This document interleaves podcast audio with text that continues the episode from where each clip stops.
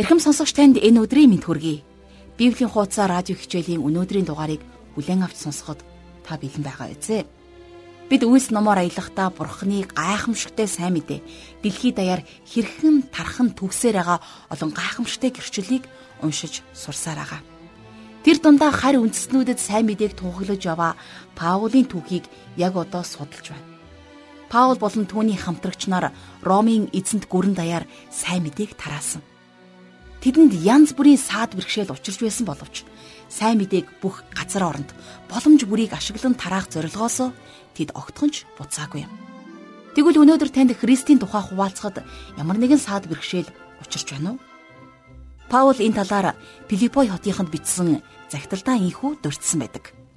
Ах トゥ нараа би өөрөө хараахан барьж авсан гэж боддоггүй. Харин нэг л юмыг хийдэг.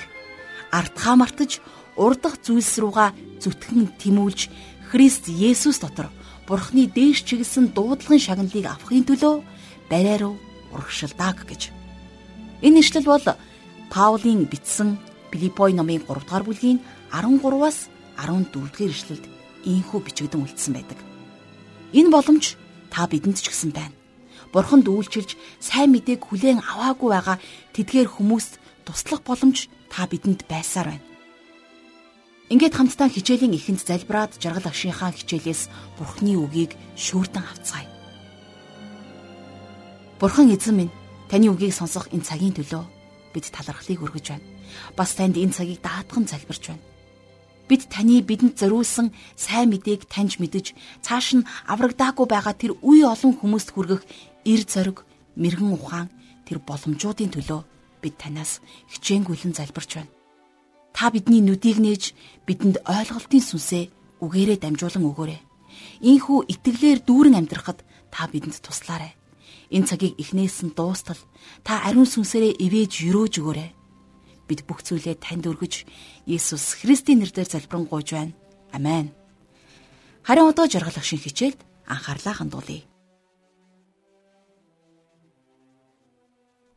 Паул өөрийн гэсэн илгээлтийн багтай болсон тухай бид өнгөрсөн хичээлээр ярьж байсан.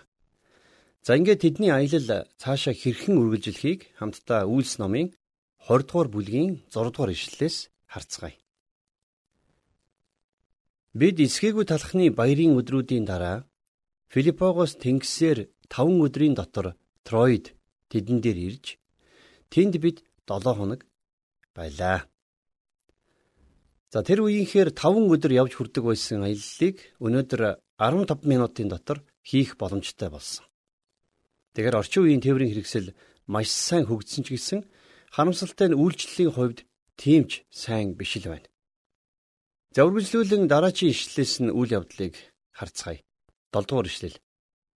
7 хоногийн эхний өдөр талх хуваахаар хамтдаа цуглах үед Паул маргааш нь явхаар шийдсэн тул тэдэнтэй ярилцаж шүн дунд болтол яриагаа үргэлжлүүлжээ. Сүмийнхэн 7 хоногийн эхний өдөр цуглах болсон. Энэ бол бүтэн сайн өдөр гэсэн үг. Анхны сүмийнхний уулзалт 7 хоногийн эхний өдөр болдог байсан тухай Библиэд бичсэн байдаг. За 7 хоногийн эхний өдөр талах хувааж байсан гэдэг нь эзний хайрын зоогийг барьж байсан тухай ярьж байна. Энэ өдрийг онцолж уулзах болсон шалтгаан гэх юм бол тэр өдөр Есүсийн дахин амилсан өдөр байсан. Харин хуучин гэрийн дагуу болвол 7 дахь өдөр буюу Бямб гаригийн амралтын өдөр еврейчүүдийн хувьд чухал байдаг. Харин Есүсийг нас барсныхаа дараагаар дахин амилсан тэр өдрийг 7 хоногийн эхний өдөр болгон сүм чуулганыхан тэмдэглэдэг болсон юм. Энэ өдөр бид нар Есүс Христийн мөнхийн амьтад холбогдох боломжтой болсон учраас өнөөдөр ч гэсэн бүтэн сайн өдөр онцгойлон тэмдэглэсээр байна. За Паул маргааш нь явах гэж байсан учраас бүтэн шүнжин номлосон байна. За өнөөдөр шүн дунд хүртэл номлох номлогч цөөхөн байх. За бас шүн дунд хүртэл сүмдээ сууж номлол сонсох хүмүүс ч бараг байхгүй болсон байх. А гэхдээ энэ бол Паулийн хувьд түүний эцсийн орой байсан. Тэр яагаад тэгэхээр энд дахин эргэж ирэхгүй байсан учраас ойр дотны нөхөрлөлийн цагийг хүмүүст гаргаж удаан хугацааны турш тэдэнтэйгээ хамт байсан байна. За 20 дугаар бүлгийн 8 дугаар ишлэл дээр бидний цугласан дээд өрөөнд олон дэнлүү байлаа. За тэгэхээр энийг төсөөлж бодох юм бол тэд нэр өрөөгөө маш сайн гэрэлтүүлсэн байж. Тэднэрт шүн дунд хүртэл үзэх зурагт интернет байдгүй байсан болохоор тэд нар бурхны үгийг сонссон шүн дунд хүргэсэн байна. За энэ сургаал үнэхээр маш удаан үргэлжилсэн учраас энд нэгэн үйл явдал болдог. За энэ тухай үйл явдлыг хамтдаа 9 дэх ишлээс харцгаая. Тэнд Ютүх гихч нэгэн залуу Паулийг ярьж байхад цонхны тавцсан дээр суун гүн нойронд автжээ. Тэрээр нойрондоо дийлдэн гурван давхраас унчихв. Очиход үгсэн байлаа. За Ютүх гихчийн залууд яг юу тохиолдсныг та дотроо төсөөлж чадах уу? Тэр гүн нойронд автсан гэж бичсэн байна. Магадгүй тэр бүр хорхирч байсан баг. Тэгээд тэр барьц алдаж нилээд өндрөөс унсан. За энэ тохиолдол мэдээж гунигтай. Тэр үгсэн байсан. А гэхдээ одоо харин юу болсныг дараагийн ишлэл дээр харин Паул буун ирж түүнийг тэрвэн хөвтөөд бүү сандар тэр амьд байна гэлээ. Тэгээд дээш гарч талх хуваан идэж хүмүүстэй ярилцсаар үүр цайлгав. Дараа нь замд гарлаа. Нөгөө залуу амьд байгаад тэдний санаа ихэд амарчээ. За эндээс харах юм бол Паул Ютүх гэгчийн залууг дахин амьлуулсан. За та санаж байна уу? Симон Петр Доркас гэгч охиныг бас дахин амьлуулж байсан. Тэгэхээр үхлээс дахин амьлуулах нь элч нарт байсан бэлэг авьяас байсан. Хүүг дахин амьлсанд тэдний санаа ихэд амарсан гэдг нь тэд нар маш их баярлаж хөөрснийг хэлж байгаа юм. За ингэснийхэн дараагаар Паул үүр цайтал үг хуваалцсан. Анхны сүмийнхэн бүгдээрээ дуртааяа сууж Паулийг өглөө болтол сонссон байна. Тэгэхээр магадгүй зарим хүмүүс Паулийг сонсохын тулд хинч тэгж чадна гэж бодох байх. А гэхдээ яг үннийг хэлэх юм бол Паул зүгээр л игэл жирийн номлогч байсан шүү дээ. Библиэлд бол Аполлыг мэдлэгтэй, ур чадвартай номлогч гэж бичсэн ч гэсэн харин Паулийн тухай ингэж тодорхойлоогүй байдаг. Тэгэхээр энэ итгэгчид Бурхны үгээр үнэхээр өлсөж цангасан байсан гэсэн үг. Ингээд Паулийн баг дахин аяллаа цааш нь үргэлжлүүлж байна. 13 дугаар эшлэлдэр харин бид нар усан онгоцоор Ааст төрүүлэн очиж тэндээс Паулийг усан онгоцондоо авах санаатай байв. Учир нь тэр үүнийг ингэж зохицуулан өөрөө тийшээ газраар явж очих санаатай байлаа. За ингэж Паулийн баг цаашаага дахин аялалд гардаг. За энэ багийнхан усан онгоцоор явж харин Паул явган явсан байна. За тэр ингэж явдгийн учир нь гэх юм бол мэдээж замдаа сайн мэдээг хүмүүс тунхаглаж хүргэх гэснийх. Тэрний замд сайн мэдээг тунхаглаж болох олон хот суурингууд таарлдсан байна. За 20 дугаар бүлгийн 14-өөс 15 дугаар ишлэлийг хамтдаа харцгаая. Тэр бидэнтэй Ааст уулзахад нь бид түүнийг усан онгоцондоо авч митүлэнд ирэв. Тэндээс бид усан онгоцоор маргааш нь Хиосын эсрэг талд хурж, дараа өдөр нь Самост хурж, удаах өдөр нь Милетэд ирлээ. За энэ хэсэгдэр бол Паулийн аялсан газруудын наривчлсан дүрслэлүүд гарч байна. 16 дугаар ишлэл. Паул боломжтой бол Пентекостийн өдөр Иерусалимд байх гэж яарч байсан тул Азад цаг алдахгүй үүднээс Эфесийг өнгөрч явхаар болжээ. За Паул Пентекостийн баяраар Иерусалим хотод очихыг хүсч байсан учраас яарч байсан байна. А гисэн ч тэр заавал Эфесээр дайрахар шийдсэн. За тэгээд тэрээр Эфесийн нэгэн бомбд Милетэд буудаг. За 17 дугаар ишлэлийг харцгаая. Тэр Милетээс Эфест хүн илгээн чуулганы ахлагчдыг дуудуулав. За тэгэхээр өнөөдрийн Эфес хот бол хуурай газраар хүрээлэгдсэн байдаг. Харин Паулийн үед Милет нь Эфесийн иргэн тойрны тэнгисийн иргэд байдаг байсан. Тэгэхээр Паул Эфесийн сүмийн ахлагчдыг эндирж өөртөө нь уулзаач ээ гэж дуудулсан байна. 18-аас 21-р ишлэл. Тэднийг ирэхэд тэр Азад хөл тавьсан анхны өдрөөсөө эхлэн та нартай бүхий л хугацааны турш ямар байсныг минь та нар мэднэ. Би эзэнд даруй зан хийгээд нулимстайгаар Евдэчүүдийн далдуур хуйлдааны улмаас надад тохиолдсон сорилт донд үйлчилж байсан. Та нарт тустай гэсэн болгоныг огоороогүй. Бат нийтэд чинь болон айлаас айлд сургаж Бурхны өмнөх гимшил бидний эзэн Есүс Христэд итгэх тухай евдэчүүд болон грекчүүдэд гэрчилсэн. Тэгэхээр эндээс харах юм бол Паул Есүс Христийн үнэн гэрчлэгч байсан. Тэм учраас тэрээр ямар ч саадыг давхад бэлэн байдаг байсан. Тэр тэднэрт Бурхны үгийг бүрэн зааж өгсөн гэж хэлэх эрхтэй хүн юм. Паул очисон газартаа шашны удирдагчдаас маш их хавчлаг дарамтууд ирж байсан ч гэсэн цуцалтгүйгээр Бурхны үгийг тунхагласаар явсан. Тэр хизээч Бурхныг гэрчлэх зорилгоосоо няцаагүй. За цааш нь 22-оос 24 дугаар эшлэлдэр Үздэгвэ Идэгвэ би Иерусалим руу сүнсээр хүлүүлэн явж байхдаа ч намайг тэнд юу тохиолдохыг мэдэхгүй. Зөвхөн хүлээс болон зовлон намайг хот бүрт хүлээж байгаа гэдгийг ариун сүнс надад гэрчилдэг. Гэвч би Бурхны нэгүүлслийн сайн мэдээг гэрчилж эзэн Есүсээс хүлээн авсан үүрэг албааг гүйцэхийн тулд өөрийн амийг юм чинээ бодлого явж ирсэн. Зарим библийн судлаачид Паулийг энэ үед Иерусалим руу явсан нь алдаа байсан юм а гэж үздэг. А гэхдээ Паулийн энд ярьсан гэрчлэл тэрний буруу алдаатай шийдвэр биш байсан гэдгийг тодорхой харуулж байна. Паул үнэхээр Бурхны хүслийг дагаж Иерусалим хот руу явсан. Тэрээр хэлэхдээ би Иерусалим руу явж байна. Тэнд очиход намайг амаргүй зүйл хүлээж байгаа ч гэсэн Бурхны ариун сүнс ийм зүйл болох ёстой гэдгийг надад харуулсан юм а гэж тэр хэлсэн байна. Урд нь 16 дугаар бүлгийг судалж байх үед ариун сүнс Паулийг Аз руу явахыг хоригдж байсан болвол энэ удаа тэр тэгсэнгүй. Ариун сүнс Паул Иерусалим руу орох үед юу болох тухай л түүнд харуулсан. Паул Иерусалимд очихдоо зовлон эдэлнэ гэдгээ мэдэж байсан. За тийм ч учраас тэрээр би өөрийнхөө амийг хайрлахгүй байна. Би Христийн төлөө амиа өгөхөд бэлэн байна гэж хэлсэн. Тэр Иерусалимийн сүмийн ядуу ах дүүст өргөсөн хандив үргэлийг өөрийн гараар хүргэж өгөхийг хүссэн. За тэгээд Паул энд ирэхдээ би явах замаа туулсан юм а гэж бичиж байсан юм. За одоо 25-аас 27 дугаар ишлэгийг үргэлжлүүлэн харцгаая.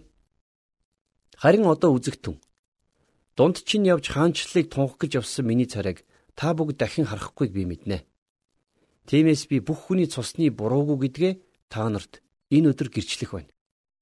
Учир нь би Бурхны бүхий л төлөвлөгөөг та нарт мэдүүлэхээс зайлс хийсэн нь үгүй билээ. Паул эдгээр хүмүүстэйгээ дахин уулзахгүй гэдгээ мэдэж байсан. За тийм учраас Паул тэдэнд Бурхны талаар мэдэх бүх зүйлээ ярьж өгсөн. Тэрэнд Бурхны үгийг тунхаглах нь хамгийн чухал зүйл байсан юм.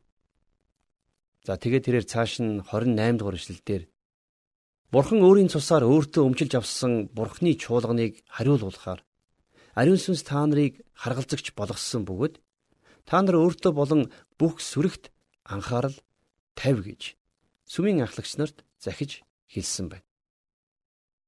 Ер нь сүмийн ахлагч нарын ажил бол яг л ийм ажил.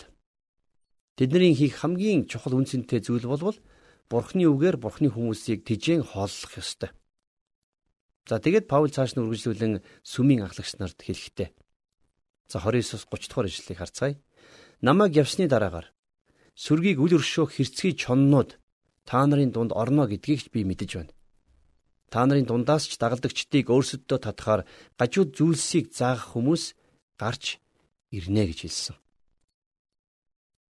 Тэгээд өнөөдөр яг Паулийн хэлсний дагуу болсон.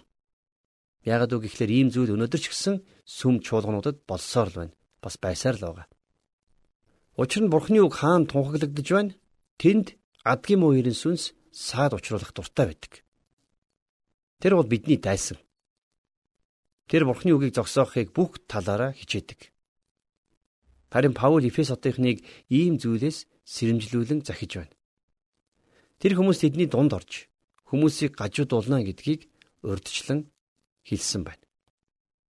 За 31-ээс 32 дугаар ишлэлдэр иймээс 3 жилийн турш өдөр шөнөгүй хүн бүрийг нулимс унган тасралтгүй синхруулж байсныг минь санан дурсаж сэрэмжтэй байхтун.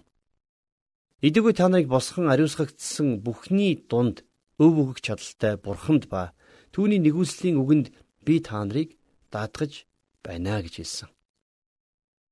За эндээс харах юм бол Паул тэд нарыг бурханд бас түүний нэгүслийн үгэнд нь даатхан орхиж байна. Номлогч удирдагч нар бид нар ч гэсэн хүмүүсээ орхиж явах үе болоход ингэх хэрэгтэй. За 33-аас 34 дугаар ишлэл. Хэний ч мөнгө эсвэл алт хувцас хунарт би шунахаарайгүй. Миний болон надтай хамт байгсдын хэрэгцээний төлөө энэ гар минь үйлчилж байсныг та нар өөрсдөө мэдэж байгаа. За Паул энэ бүхнийг мөнгөний төлөө хийгээгүй гэдгээ энд хэлж байна. Тэр өөрийгөө болон багийнхнаа дэмжихийн тулд өөрийн гараар хөдөлмөрлөж байсан гэдгийг та бид нар мартаж болохгүй. 35-аас 38 дугаар ишлэгийг хамтдаа харцгаая.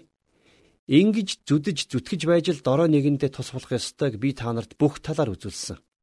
Мөн эзэн Есүсийн альдсан авхаас өгөх нь илүү өрөөлтөө гэсэн үгийг санагтуун гэж хэлв. Тэр үнийг хэлээд тэдний хамт өвдөг сөгдөн залбирлаа.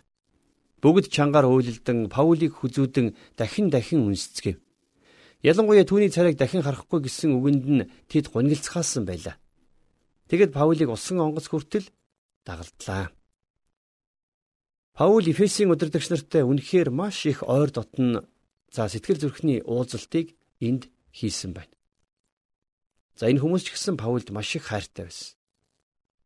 Тэрнийг дахиад харахгүй гэдгийг мэдэж байсан учраас тэднэрт Паулийг явуулахад маш их хүнд хэцүү байсан мэдээж.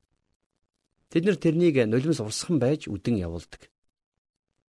Тэгэхээр та бидний амьдралд ч гэсэн бас явуулмааргүй сайн хүмүүс зөндөө олон байдаг шүү дээ. Тэд нар амьдралд ирч хүч, урам зориг, хайр, хүсэл тэмүүлэл зорилгыг бий болгочход явдаг.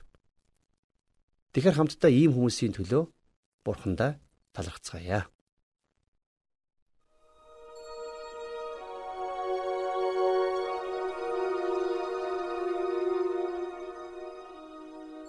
Тэгэхээр Үйлс номын 20 дугаар бүлгийн гайхалтай үйл явдлаар аялуулсан жаргалагчтай үнэхээр их баярлалаа. Өнөөдрийн хичээлээс бид Бурхны гайхалтай хайр бидний зүрхэнд хэрхэн хүрч бусдыг хайрлах, бусдад нөлөөлөх арга замууд болдгийг харж сурч авлаа. Бурхны үгийг харь үндэстнүүдэд гайхалтай сайн гэрчилсэн Паулийн амьдралын түүх үнэхээр сонирхолтой. Паул анх Христэд итгэгчдийг гадуурхан хавчигч байсан бол дараа нь Бурхны үгийг зоригтойгоор тунхаглагч болж харь үндэстнийг аврал руу авчрах тэрл илгээлтийн эзэн болж чадсан. Паулаар дамжуулан Бурхны үгээр дахин төрсэн Эфесчүүд өөрсдийн сүнсний эцэг болох түүнийг маш ихээр хайрладаг тухай сэтгэл уярмаар ухаарал хөглөгдмөр нэгэн гайхалтай түүхийг өнөөдөр бид сурлаа. Тийхүү бид бурханд итгэн дахин төрөх үед ариун сүнс бидний дотор оршиж зүрх сэтгэлийг мань бурханы хайраар дүүргдэг. Харин бидний зүрх сэтгэлд хайр байхгүй бол бурхан бас байхгүй гэсэн үг. Учир нь бурхан бол хайр юм. Тиймээс анхны сүмийн итгэгчдийн дундах хайрыг хараад олон хүн итгэл дотроо бурхантай алхаж мөн хамийг бурханаас хүлээн авсан юм. Тэгвэл та өнөөдөр бурханд хайртай бол түүнийг бусдад гэрчилж хайрын элчин болоорой. Өнөөдрийн хичээл энэ хүрээд өндөрлөж байна.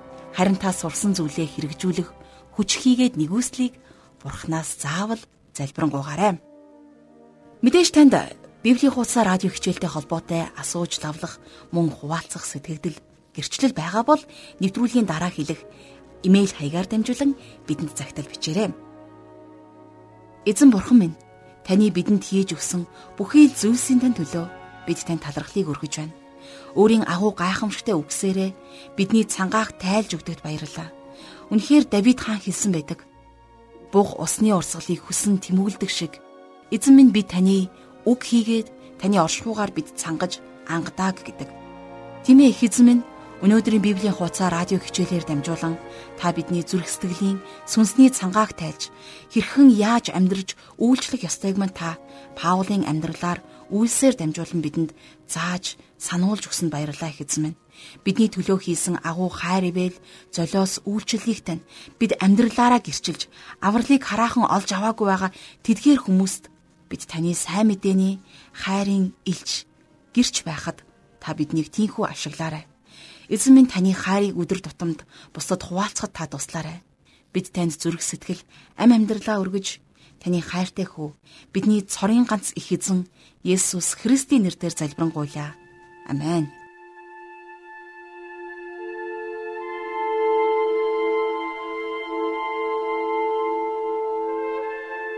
Библийн хуудасаар радио хичээл хүрлээ.